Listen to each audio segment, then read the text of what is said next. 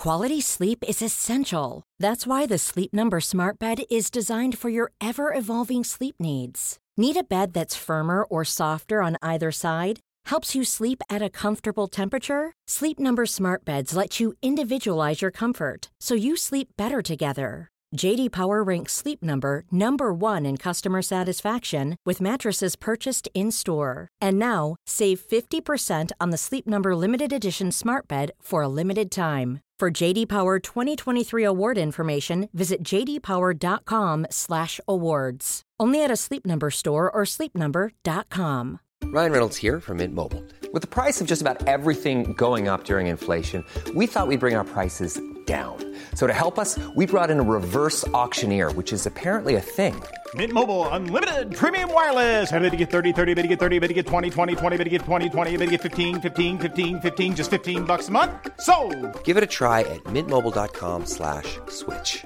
$45 upfront for three months plus taxes and fees. Promo rate for new customers for limited time. Unlimited more than 40 gigabytes per month. Slows. Full terms at mintmobile.com.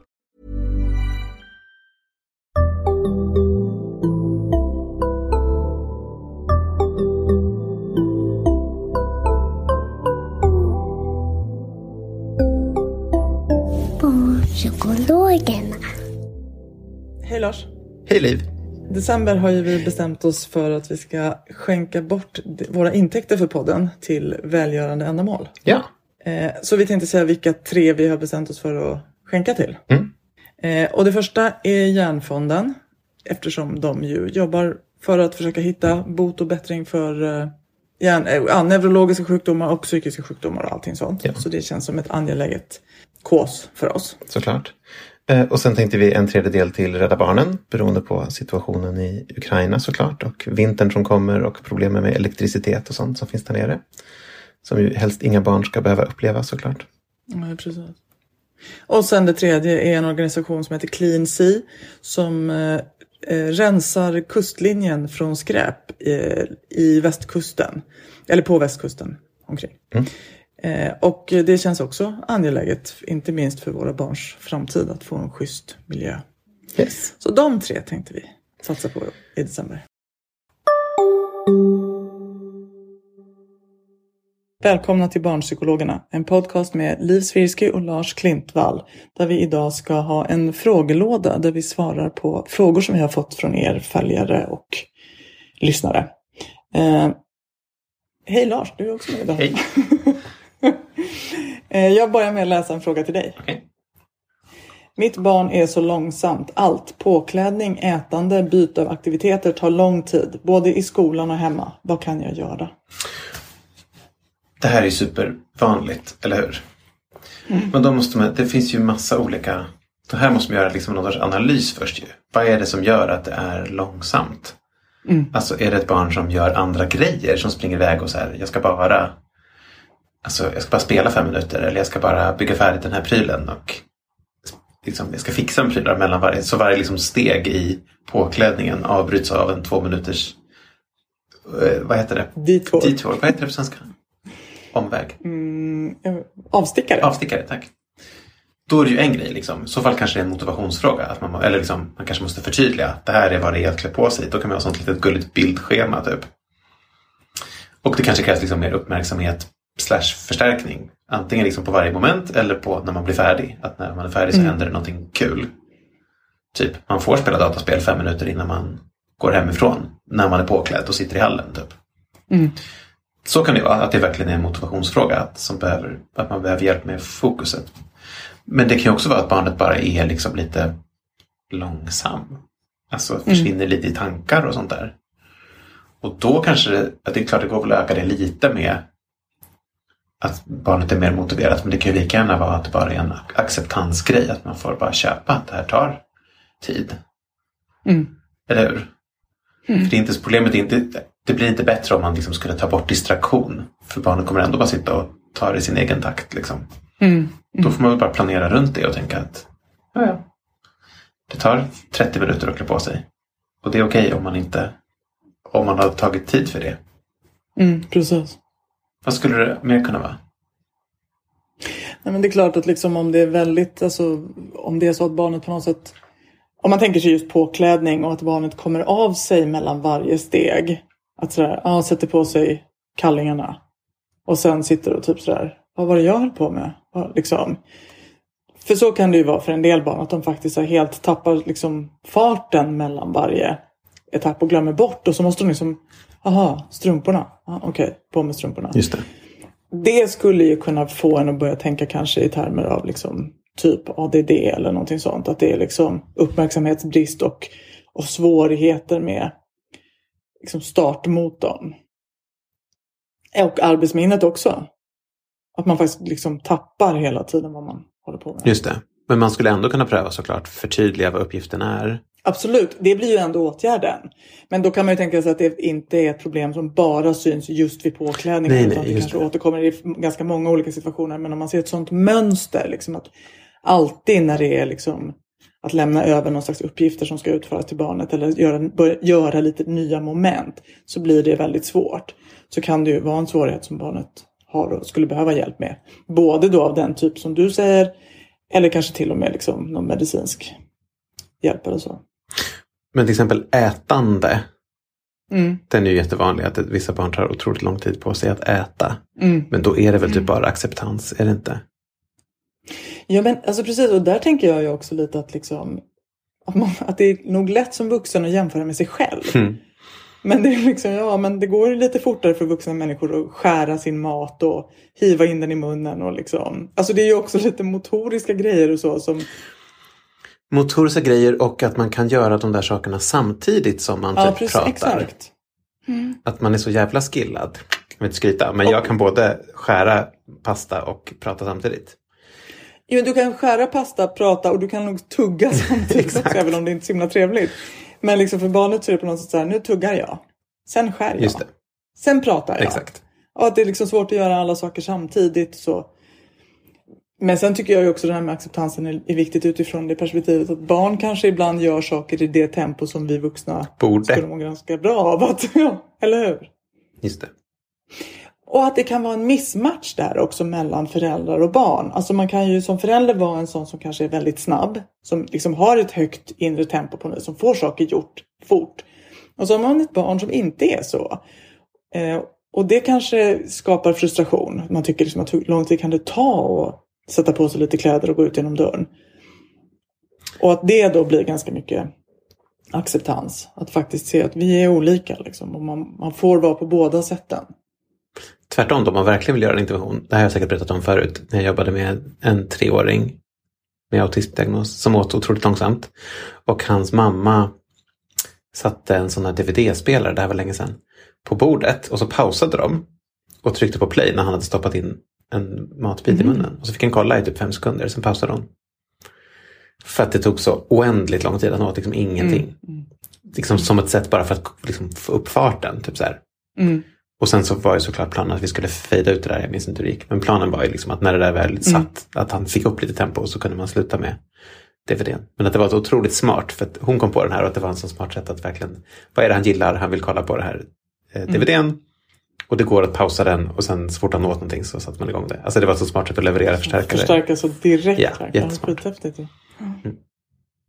Men och det tänker jag också lite på just det här barn som har svårt att göra eh, få, få flyt liksom. Alltså, och som inte kanske har någon svårighet men som bara så här sätter på sig lite kläder, springer och leker. Sätter på sig lite fler kläder, springer och leker. Sådana barn, där kan jag tycka att, för det många gör då intuitivt det är lite så här, ja men vi får stiga upp tidigare så det finns tid att leka. Eh, och där brukar jag ibland rekommendera tvärtom. Gör det tajtare. Så att man inte hinner göra alla de där avstickarna och göra andra grejer. För, att, för en del barn går ju också igång på det där tycker jag, om man till exempel tar tid. Nu ska vi se hur lång tid det tar för dig att klä på dig. För då blir det lite roligt att klä på sig fort. Annars är det ju för barnet så här, vad, vad spelar det för roll om jag sätter på mig strumporna nu och sen går och kollar på det? Jag, vill inget, jag kommer vara påklädd om en stund. Liksom. Jag kommer inte gå naken till, till förskolan. Det. Är liksom den vuxna som tycker att så här, det här ska ske i ett schysst förlopp. Om man då lägger in ett moment av tidtagning till exempel, då blir det plötsligt lite kul för barnet och de tävlar och slår rekord. Och... Men då är det liksom en, i en träningsfas. Det är inte mer att man ska fortsätta med det sen. Utan det är jo, om man vill bli Gunde Svan ska man fortsätta eh, nej men precis, alltså, sånt här tänker jag väldigt mycket och det här växer ju bort oavsett, även om man inte gör någonting. Utan det är ju ett sätt att liksom speeda upp det i nuet. Men att man kanske liksom inte ska tänka att man ska släppa in mer tid. För det kommer ju bara locka barnet ännu mer. Jaha, okej, nu har vi jättegott om det. Nu hinner jag verkligen bygga det här legoslottet och hälla ut alla mina liksom, andra leksaker och kolla in dem också. så. Utan att ibland kan liksom det att, att tajta till göra att då går det lite fortare. Eh, och att lägga in något moment av liksom, där det blir skoj för barnet att få det att flyta på. Eh, du vet när man typ hämtar på förskola och så har man Mm. ingen tid att passa så att det kan ta en timme att gå två kvarter. För att det spelar ingen roll. Är det där dumt? För att då tränar man ju inte barnet i att faktiskt så här, gå till, med ett mål och vara så här, nu ska vi gå hem och så går man hem.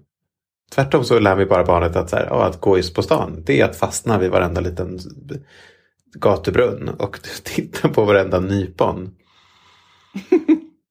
Eller tänker man att det där kommer ändå senare när de vet vart de ska hem till och det finns något kul att göra hemma. Alltså jag gillar ju nämligen det där när man har tid att bara softa och tar jättelång tid på sig. Jag kan, jag kan kolla min mail på mobilen medan hon tittar på ett nypon i 20 minuter. Alltså jag är helt cool med det. Vi bägge två har roligt.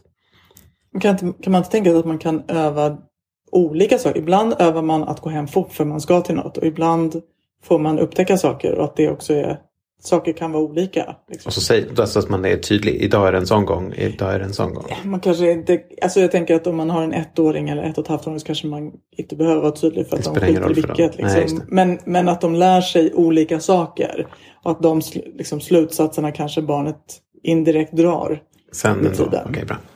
Ja, det finns variation liksom. Och ibland är det si och ibland är det så. Den här gången var tydligen en, en långsam gång. Just det. Så. Jag tänker inte att man behöver liksom ha en sån ut, utstuderad plan. När pappa har grön jacka på sig, då är det en långsam gång. När pappa har röd jacka på sig, då är det en snabb. Exakt. Det hade varit väldigt kul om man gjorde det i och för sig och så hur lång tid det tog innan de såg skillnad på vilken gång det var. Vad skulle man anse vara liksom normalt? Hur lång tid får det ta innan de inser skillnaden? När lampan lyser. Otroligt diffus signal. Ja, liksom, jättekonstigt. olika Ta tillbaka det. Och sen börjar det regna och då har pappa sin bruna jacka och vad händer då? Då är det bråttom. Ja, bra. Då har vi väl ändå svarat på den frågan. Bra, vi tar nästa. Mm. Ehm, Okej, den här frågan då från förälder. Det här är ju jättevanligt. Jag har så svårt att se mitt barn besviket att jag gör allting för mitt barn. Hen får allt och får välja till exempel om vi ska handla eller leka. Alltså vad vi ska handla och vad vi ska leka eller om vi ska handla. Eller om vi ska leka. Det kanske ska vara vader. Just det, vad vi ska handla och vad vi ska leka. Får hen inte som hen vill blir hen ledsen, arg, besviken och det klarar inte jag. Alltså det är så jobbigt med barnets besvikelse.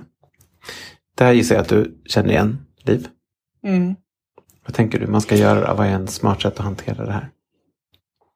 Men jag tänker att man, det är ju bra, tänker jag, att föräldern har uppmärksammat det här problemet. Och med betoning på, och det klarar inte jag.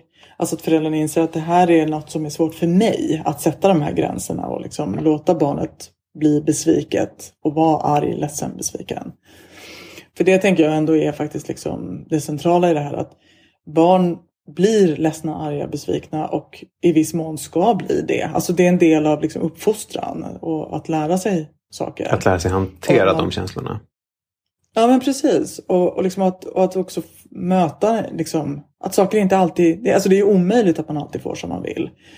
Ehm, och att man behöver möta liksom det, den sortens motstånd och gränser och så. Att vuxenvärlden behöver visa också att du kan inte alltid bestämma, det funkar liksom inte. Och det betyder ju att man som förälder också måste stå ut med att utsätta sina barn för det. För att, att liksom köra det här, att låta barnet välja Kortsiktigt kan ju det då kännas skönt och man kan till och med kanske känna sig som en snäll förälder på kort sikt. Men på lång sikt tänker jag att man verkligen ställer till det för barnet och för sig själv. Så att Men man behöver faktiskt utmana det här. kan det inte delvis vara just för att man, för att man är orolig att barnen inte ska tycka om en? Att man är så här, man är två föräldrar och man vill vara, man känner att den andra föräldern är mer poppis och då vill man liksom Mm. göra sig själv mer poppis genom att eller man är rädd att barnet inte ska tycka om mig. Om jag inte, om jag utsätter barnet för de här jobbiga känslorna så kommer barnet inte tycka om mig. Ja, Jag tror inte att det är jätteofta är därför. Ja, men och då tänk, alltså jag tänker att oavsett vad det är så är det väl just det där att undersöka varför klarar inte jag det här? Varför är det här jobbigt för mig? För det kanske är där man i första hand behöver börja fundera på förändring. Mm. Eh, liksom, vad behöver jag för att sätta de här gränserna och stå ut med att mitt barn har de här känslorna? För jag måste göra det för mitt barn. Alltså jag kan liksom inte hoppa över det. Lösningen är inte att fortsätta så här. Lösningen är att börja förändra. Men, men att man kanske själv kan förändra. Sen kan man ju tänka sig rent konkret så kommer väl det här förändring här handla om att börja sätta gränser för barnet. Börja säga att nej, liksom börja säga nej oftare. Men det kanske inte är från att om det här barnet liksom går och plockar på sig prylar i butikerna liksom, och har lärt sig att det är så det funkar. Då kanske det inte funkar så här, du får inte köpa något eller du får inte bestämma något. Alltså från en dag till en annan bara bli helt en annan person. Nej, exakt. Nej, det går ju inte. Precis, utan man kanske måste så här, du får välja tre saker den här gången när vi går till butiken. Just det. Eh, som ändå kanske är en ganska stor skillnad från hur det har varit, men fortfarande liksom att barnet får lite vara med. Och då kan man ju tänka sig att barnet kanske kommer säga, jag vill bestämma fem saker. Och det kan man ju se barnets reaktion som ett tillfälle för föräldrarna att träna.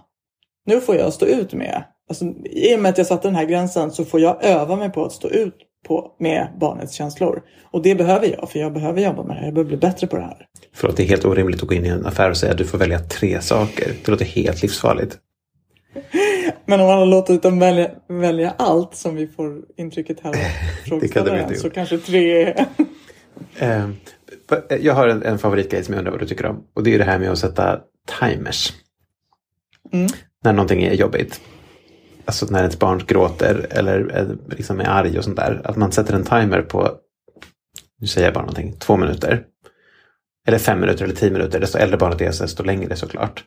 Och bara så här, så här länge måste jag rimligtvis kunna stå ut med det här. Jag måste kunna stå ut i fem minuter. Att barnet är besviket. Och sen så ser man om efter fem minuter det fortfarande är ett problem. För ganska ofta Mm. är det ju inte det. Nej. Utan då har barnet gått vidare. Så uppenbarligen var det ju inte så jäkla viktigt. Förstår du vad jag menar? Att det är liksom ett sätt för en själv att jag klarar att sitta på händerna. Den här timern som jag sätter nu. Jag, ska inte, jag ska inte stå ut hur länge som helst, jag ska stå ut i fem minuter. Och om det fortfarande är ett problem då, ja men då kan vi fundera på det. Liksom. Fast det är inte risken att om man då efter fem minuter går in och säger till barnet okej, okej, du får som du vill. Du bestämmer, vi gör som du vill. Mm. Då har man ju förstärkt barnet och fått barnet så att då har man ju tränat barnet så att fem minuter är uthållighetstiden. Sen kommer jag cave, cave in och då får du som du vill. Absolut. Nej, det måste ju vara, det är svårare att sätta hur många minuter som är rimligt. Ja. Ja, eller liksom övningen kanske snarare är att sätta en timer för dig själv och se att fem minuter var inte så farligt. Eller det tog inte Mom deserves the best, and there's no better place to shop for Mother's Day than Whole Foods Market. They're your destination for unbeatable savings, from premium gifts to show-stopping flowers and irresistible desserts. Start by saving 33% with Prime on all body care and candles. Then get a 15-stem bunch of tulips for just $9.99 each with Prime. Round out Mom's menu with festive rosé, irresistible berry chantilly cake, and more special treats. Come celebrate Mother's Day at Whole Foods Market. Life is full of awesome what ifs, and some not so much, like unexpected medical costs. That's why United Healthcare provides Health Protector Guard fixed indemnity insurance plans to supplement your primary plan and help manage out of pocket costs. Learn more at uh1.com. This is Paige, the co-host of Giggly Squad, and I want to tell you about a company that I've been loving, Olive and June. Olive and June gives you everything that you need for a salon quality manicure in one box. And if you break it down, it really comes out to $2 a manicure, which is absolutely insane. It's also so easy to get salon worthy nails at home with Olive and June. The difference between how your nails used to look when you did them yourself and now with the Manny system is a complete game changer. The best thing about Olive and June too is it's a quick dry. Dries in about one minute, lasts for five days, and full coverage in up to one to two coats. Visit oliveandjune.com slash perfectmanny20 for 20% off your first system. That's oliveandjune.com slash perfectmanny20 for 20% off your first system. Ens fem minuter. Alltså du menar, Alltså- du menar, det ska inte vara set timern och sen om det barnet fortfarande vill det, då ska den få det. Utan det är mer Nej, bara ett exakt. knep för att få en själv att jag stod ut i två minuter, då kan jag stå ut i två minuter till. Exakt. För att, för att liksom när saker är jobbiga har vi ju en känsla, liksom, eh, vi tenderar ju uppleva att tiden går väldigt långsamt när saker är jobbiga. Ja, precis. Så att man snarare liksom ta med det perspektivet. Men jag skulle inte säga att efter fem minuter så ger du barnet det du vill ha. För då, har man, då vet vi att de har byggt in. Då kommer vi förstärka barnet och gnälla längre och längre och längre och längre. Precis. Absolut. Ja. Nej, men då ska man tänka att det är ett, ett knep för att man själv att stå ut, klara att stå ut längre. Mm. Men, men jag tror också verkligen komma ihåg det där att det är inte taskigt att låta barn komma i kontakt med gränser. Tvärtom är det ju ofta för väldigt många barn också en trygghet i att, att, att ha vissa gränser och att vara tydlig som förälder med vissa saker är för många barn faktiskt skönt. Det, det är trygghet att liksom det finns vuxna som, som håller mina yttre ramar. Jag är inte själv i det här. Ibland, ibland så kan ju för, liksom föräldrar bli försiktiga med att sätta gränser om man kan se att barn blir jätteotrygga av det och liksom känner att var, var finns väggarna i det här rummet? Liksom? Mm. Finns det någon vuxen här som ser, till, som ser till mig? Det handlar ju inte om att man ska sätta gränser för barnet i allt hela tiden. Och liksom, men att för, liksom förstå att det också finns någonting väldigt omsorgsfullt i att sätta gränser. Mm. Bra. Mm. Tar vi nästa då? Mm, den här tycker jag var lite intressant och som jag tror att både du och jag kan känna igen. Eh, att vi får höra ganska ofta. Jag känner inte igen det barn mitt barns lärare beskriver. Hen är helt annorlunda i skolan mot hemma. Vad gör man om man tycker att det är så? Oj, ja precis. Vad kan det vara för någonting? Det kan vara typ eh, lärarna beskriver barnet som bråkigt och man tycker att den är jättelugn hemma. Eller mm. tvärtom. De beskriver barnet som jättetyst och försiktig men hemma är den superbossig. Typ. Mm. Det är väl klassiker, eller? Det, ja precis, det tänker jag. Ja men dels är det viktigt att komma ihåg, och det kanske är en självklarhet, det är ju att barn faktiskt är annorlunda i olika kontexter. Mm. Alltså, ja men till exempel den här, det är ju jättevanligt att barn som är försiktiga i skolan pratar jättemycket hemma. Liksom. För att om man inte är blyg och man vet att man kan eh, prata liksom, med sina föräldrar, då pratar man ju hur mycket som helst och har jättemycket att säga. Man kanske till och med har byggt upp ännu mer för att man inte har snackat hela dagen i skolan.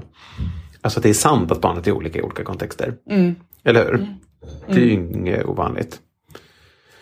Det kan ju vara det, men sen kan det vara att, det, att man kanske bara pratar förbi varandra. Att man använder sådana luddiga begrepp så att man inte vet vad man menar. Att det kan vara bättre om Ja, man liksom ber, ja, men man kan prata om konkret situation. Så här. I tisdags då hände den här specifika grejen, barnet gjorde det här beteendet. Då kan man liksom, större chans att man faktiskt menar samma sak. Mm. Mm. Just det, att man inte kanske... Och då blev, blev hen jättearg. Och då kanske man själv tänker att jättearg det är när den river rummet, skriker jättefula ord, sparkar, slåss. Exakt. Medan läraren kanske då tänker såg sur ut och sa jag vill inte. Just det.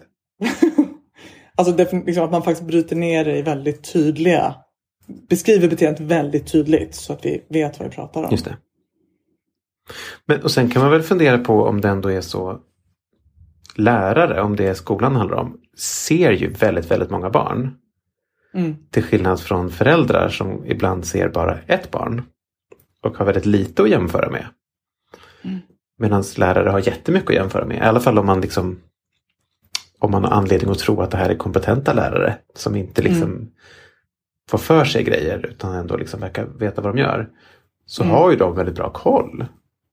De ser 30 barn så att om de säger att det här barnet är ganska blygt då är det antagligen Mm. försiktigare än de andra barnet i den gruppen eller i Mm. barn som Just. lärarna sett tidigare. Eller? Ja men absolut, så tänker jag också. Och, och jag tänker att man, jag tycker att jag ibland har stött på det här i familjer där det har funnits mer eller mindre konflikter mellan skola och hem. Det är kanske inte alltid konflikter men det kan liksom i alla fall vara bristande förtroende. Liksom att föräldrarna inte riktigt känner att bryr de sig om vårt barn? Ser de vårt barn? Och då blir det väldigt svårt att lita på sånt här för man känner liksom att är det här någon som vill mitt barn väl? Eller säger de den här bara för att de är arga på oss eller liksom. Ehm, så det tänker jag också ändå är en grej att, att fundera på. Liksom, är det här en vuxen som i de flesta avseenden vill mitt barn väl? Som brukar liksom, ja men han är så mysig och gullig och la la la la la. Men det här funkar inte så bra. I de här situationerna blir det så här. Så är det något annat och kanske värt att, att ta med sig jämfört med om man känner att liksom allt, det enda de säger om vårt barn är negativa saker. Vi får aldrig höra att det har varit bra eller mysigt eller duktig eller liksom någonting positivt. Men det kan ju vara att de säger det Jag, men inte du lite, alltså det här med att man kan uppfatta det som kritik och då är det svårt att höra. Ja, eller liksom att man kanske behöver, alltså, så, man kan uppfatta det som kritik och kommer det från en person som man ändå tänker oftast, alltså som vill barnet väl, då kanske man behöver vara medveten om att det här är nog jag som tycker det är så jobbigt att höra.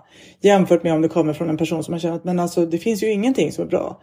Då är det kanske liksom väldigt svårt att ta det till sig för att det är på något sätt så här, vad handlar det här om? Liksom? Då kanske man snarare ska titta på relationen mellan hem och skola i första hand och inte bry sig så mycket om exakt hur barnet beter sig. För att även om det är ett barn som har jättestora beteendeproblem så kommer det ju aldrig funka om inte skolan och familjen kan samarbeta. Det kommer ju bara bli pest för alla. Liksom. Mm. Men även om det är så att man har massa konflikter med skolan så vill man ju ändå rimligtvis veta hur det funkar där. Och om det är så att det är någonting som inte funkar för barnet då vill man ju veta det även om de som säger det tycker man inte så mycket om. Men ja, absolut, det är klart att man vill veta det. Jag menar bara att man kanske måste titta, man kanske måste höja blicken från att liksom, vi kan inte hålla på och prata om hur vårt barn är. Vi måste prata om att vi har inte förtroende för er på skolan. Eller mm. ni säger aldrig någonting positivt om vårt barn. Mm. Liksom, det här funkar. Och man kanske till och med måste fundera på, kan vi vara kvar i en skola som vi inte känner att i princip att vi är trygga med? Liksom? Sen kan man ju tänka så här, men okej det här är den tredje skolan som vi inte tycker ser vårt barn. Då kan man ju också börja fundera på liksom, ja, vad handlar det om? Mm. Men att, att liksom, alltså det finns så många, många skikt i det här. Det, här liksom, det kan vara så mycket olika saker som gör att man inte känner igen sitt barn. Det kan vara liksom från att man verkligen inte har förtroende till att man, som, som du är inne på, liksom, nej men vi ser ju inte vårt barn när hen, inte, när hen står i matkö med 30 andra barn i en matsal med hög ljudvolym. Och liksom. Så vi, det är inte så konstigt att vi inte känner igen det, för vi har aldrig varit med.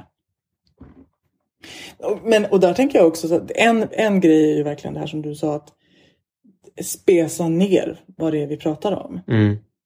Men man kanske också som förälder skulle kunna fråga, liksom, om man verkligen inte känner igen sitt barn, fråga om man kan få vara med. Det är klart att bara ens närvaro kan förändra väldigt mycket också. Men man kanske kan vara med på ett sätt som inte blir så störande. Liksom. Men att till exempel, är det okej okay om jag...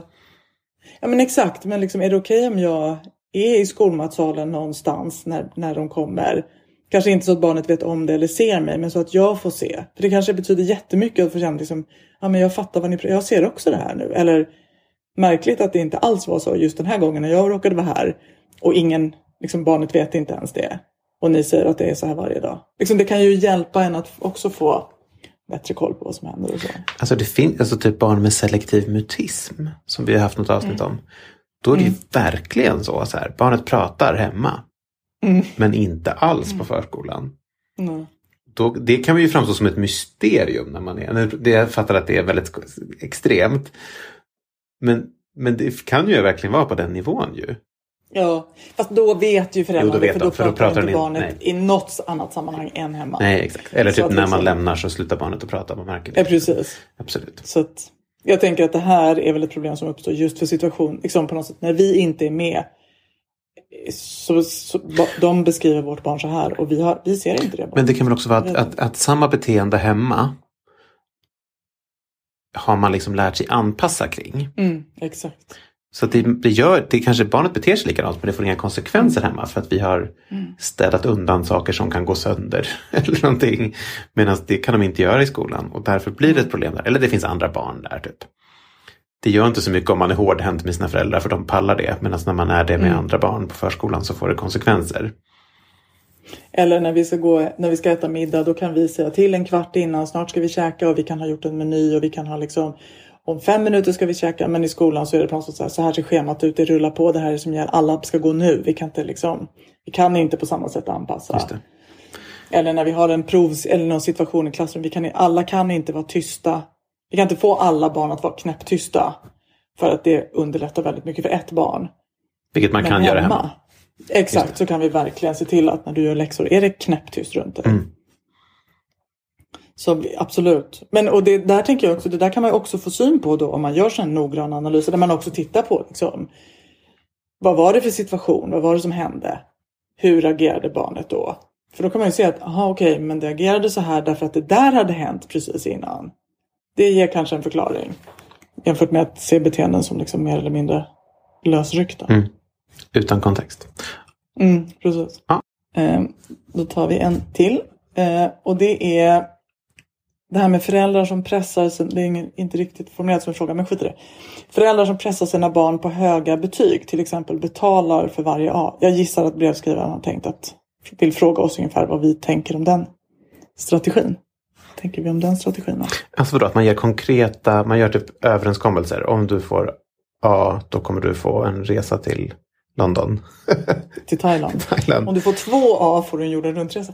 Man kan, kan man inte tänka sig att det kanske är liksom att var, ett A är värt 100 Just det, det. B är värt Just det. 75 eller liksom. Alltså jag, det här är ju kontroversiellt, men jag har ju inget problem med det där egentligen. Jag tycker att man absolut får belöna den sortens... Eller så här, det, det där är ett dåligt belöningssystem. För att belöningen kommer ju orimligt långt senare. Och det beror på massa andra saker, bland annat lärarens eh, betygssättning. Som ju kan vara lite orättvis. Eller inte nödvändigtvis är 100% överensstämmande med hur mycket barnet har ansträngt sig. Ja, precis. Så man kanske belönar fel på ett lite dåligt sätt. Det kanske är rimligare att, att belöna liksom att ha pluggat ordentligt till tentan. Det är kanske det man ska belöna. Eh, eller liksom desto snabbare på beteendet som möjligt, desto bättre är det. Man vill ju belöna ansträngningen, inte resultatet. Liksom. Och det som barnet har kontroll över. Exakt, just det. Men i princip så tänker inte jag att det är något konstigt med att göra det där.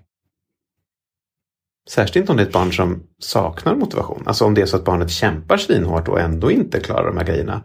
Då verkar ju inte problemet vara att lägga på mer motivation. Mer motivation kommer inte göra skillnaden.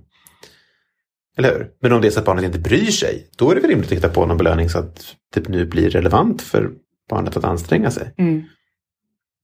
Jag tänker att brevskrivaren kanske tänker, för jag tycker det är en vanlig diskussion, att liksom, ska man premiera den här sortens prestationer? Kommer man inte bara hamna i då att det här barnet duger bara om det får ett A? Liksom att man har fokus på prestationer och framgång på något sätt och så ser man inte barnet. Liksom. Är du med på Ja, ja, igen absolut. Ja. Men det är ingenting som utesluter att man gör en sån här tydlig överenskommelse. Då har man ju tvärtom tagit bort pressen på det. Då är det så här, ja, vill du ha de här pengarna så får du plugga på det här provet. Men nu, du får välja. Mm. Vi, så här, vi hänger, käkar fortfarande och går och spelar fotboll och gör de andra grejerna. Och vill du göra det här så får du den här belöningen. Mm. Men, jag tänker men eller hur, då plockar man ju liksom snarare bort på något sätt någon sorts outtalad förväntan och vi tycker bara om det om du gör det här och det här. Då har man ju gjort det mer transparent. Liksom. Och man behöver ju verkligen inte tänka att ett sånt här belöningssystem skulle utesluta all annan positiv närvaro och uppmärksamhet. Nej, det vore ju liksom superkonstigt. alla andra förstärkningar. Ja, Om det gjorde. Tvärtom är ju det här beteendet som går att förstärka på det här sättet. Vi vill ju inte börja ge folk pengar för att de typ så här är, är schyssta och säger grattis när man fyller år. Typ. Alltså det blir ju konstigt att förstärka den sortens beteenden med sådana här liksom, typ pengar. Det blir ju superkonstigt. Ja, och sen får man kanske också komma ihåg ändå att barn kan ha olika förutsättningar. Alltså, att säga att så, om du får ett A, då får du 100 kronor. Och om barnet har till exempel jätteallvarliga koncentrationssvårigheter. Och faktiskt, nej, men A, kom, det finns inte, det kommer aldrig hända. Det finns inte. Då blir det ju också liksom väldigt taskigt. Så då kanske man får säga att man kanske får liksom sätta sin nivå utifrån vad barnet faktiskt har möjlighet att klara av. Och säga att är det ett barn som kan klara ett A, ja men då kan man ju ha det. Men är det ett barn som kanske klarar ett D, eller vad vet jag. Eh, då kanske det är det som ska vara värt 100 kronor. Liksom. Så att det inte blir på något sätt så här, nej, du fick 2,50 för du, du har koncentrationssvårigheter. Men, men verkligen, är inte den viktigaste grejen här, det är dumt att förstärka resultat och inte förstärka ansträngning. Ans- Är inte det den viktigaste grejen här? Att det är bara ett dumt Ja. utformat belöningssystem. Mm. Även om man fattar vad de är ute efter. Men däremot så tycker jag ändå att man kan liksom ha med, alltså att, att hitta någonting som motiverar barn. Liksom, att, att inte bara förvänta oss att de ska tycka att det här är viktigt för vi vet att skolan är viktig och det kommer öppna dörrar och lalala. Det Liksom. finns en förstärkare där jag- om 20 år. Exakt. Och du kommer ångra dig när du är 42 och sitter där och inser att fasen också den där utbildningen hade kunnat vara bra. Li- Liksom att, att så här, ja, men går man i sexan eller sjuan så kanske man behöver någon omed- eller ganska snabb förstärkning för att palla. Och det blir snarare ett sätt att hjälpa barnet att eftersom du inte ser det där så försöker vi lägga in förstärkare här så att du inte behöver ångra dig när du är 42. Så att man faktiskt liksom, det här blir ett sätt att liksom hjälpa barnet. Ja. Men faktiskt, det är kanske är lättare att typ göra pluggsituationen lite mysigare. Och så här, man spelar efter att man gjort dagens läxa istället för före. Mm. Och sådana där liksom, snabbare Just förändringar. Ja, Bra. Ja, då har vi pratat, eller svarat på lite frågor i alla fall. Eh, och vi kommer att göra fler frågelådor framåt. Så man kan att, skriva om man eh, har idéer. Ja, precis. Frågor. Ni får gärna skriva frågor till oss. Vi kan inte svara på alla frågor, vi kan inte lova när vi svarar eller så. Men eh, ni får gärna skicka in och vi kommer att välja frågor som vi tycker är liksom representativa och vi tror kan vara intressant för många att höra. Och så. Och så kommer vi försöka ändra dem lite så att de ska vara anonyma. Just det. Tack Lars! Tack, tack Liv. Och tack ni som har lyssnat. Ett nytt avsnitt kommer snart och till dess kan ni följa oss på Facebook där vi heter Barnpsykologerna och på Instagram där vi heter Barnpsykologerna understreckare podd.